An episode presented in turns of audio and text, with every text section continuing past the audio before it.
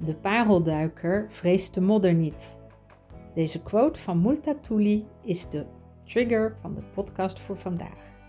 In 2006 begon ik een experiment. Dat heette Nous les femmes, wij vrouwen. Elke week op vrijdag ging ik met een groep vrouwen het bos in en langs de rivier Le Boiron allerlei transformatieprocessen doen. Ik noemde het destijds nog geen natuurcoaching, want ten eerste was ik nog geen officiële coach en ten tweede bestond coaching niet en ten derde was het gewoon iets wat ik verzonnen had. Ik nam die vrouwen mee de natuur in omdat ik gemerkt had hoe belangrijk de natuur is in het transformatieproces en hoe de natuur allerlei dingen kan weerspiegelen.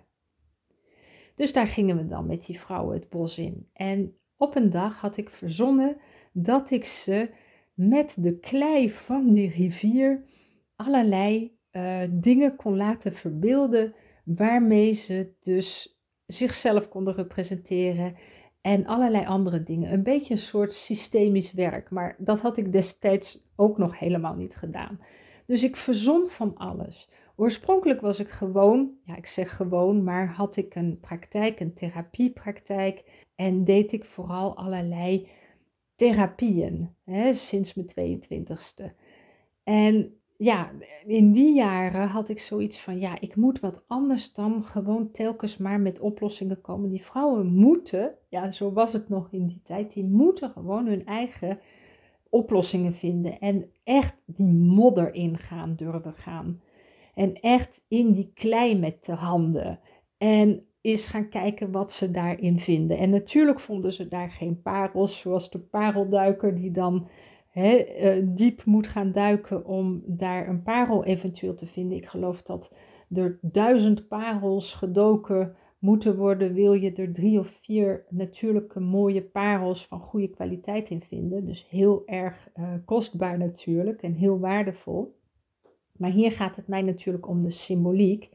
Wat doet het met je als je met je handen in de klei gaat? En dan ook echt letterlijk en figuurlijk. Ja, zo vind ik het altijd leuk om te spelen en te werken en te transformeren voor mezelf en natuurlijk ook voor mijn klanten.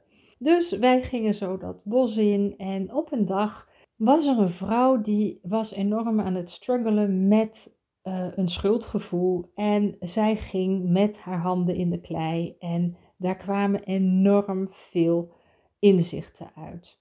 En toen ze met haar handen zo in de klei zat en aan het werken was en aan het transformeren was, ze had er hele mooie dingen mee gemaakt, had ze opeens een heel klein rond wit steentje in haar handen. En dat was zo bijzonder, want ze had dus eigenlijk in feite iets wat die parel representeerde in haar handen.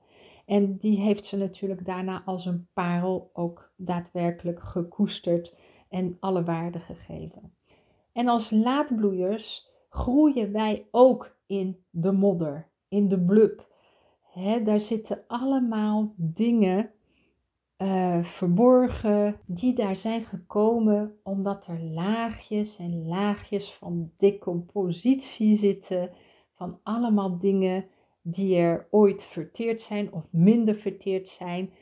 En die decompositie is wel waarin wij geworteld zijn en waar we dus ook grondvoeding uit kunnen halen. Echt zoals een lotusbloem dat ook doet. Een lotusbloem die komt echt uit de blub en die heeft al zo'n hele lange stengel die naar het licht groeit. En dan op een gegeven moment, hup, komt die prachtige lotusbloem in het licht, in volle bloei. En we zitten telkens weer in die verschillende fases van de groei. Hè? Dus je groeit, je bloeit, je laat los en uh, je gaat weer bezinnen. En dat zijn ook alle seizoenen die we telkens doorgaan.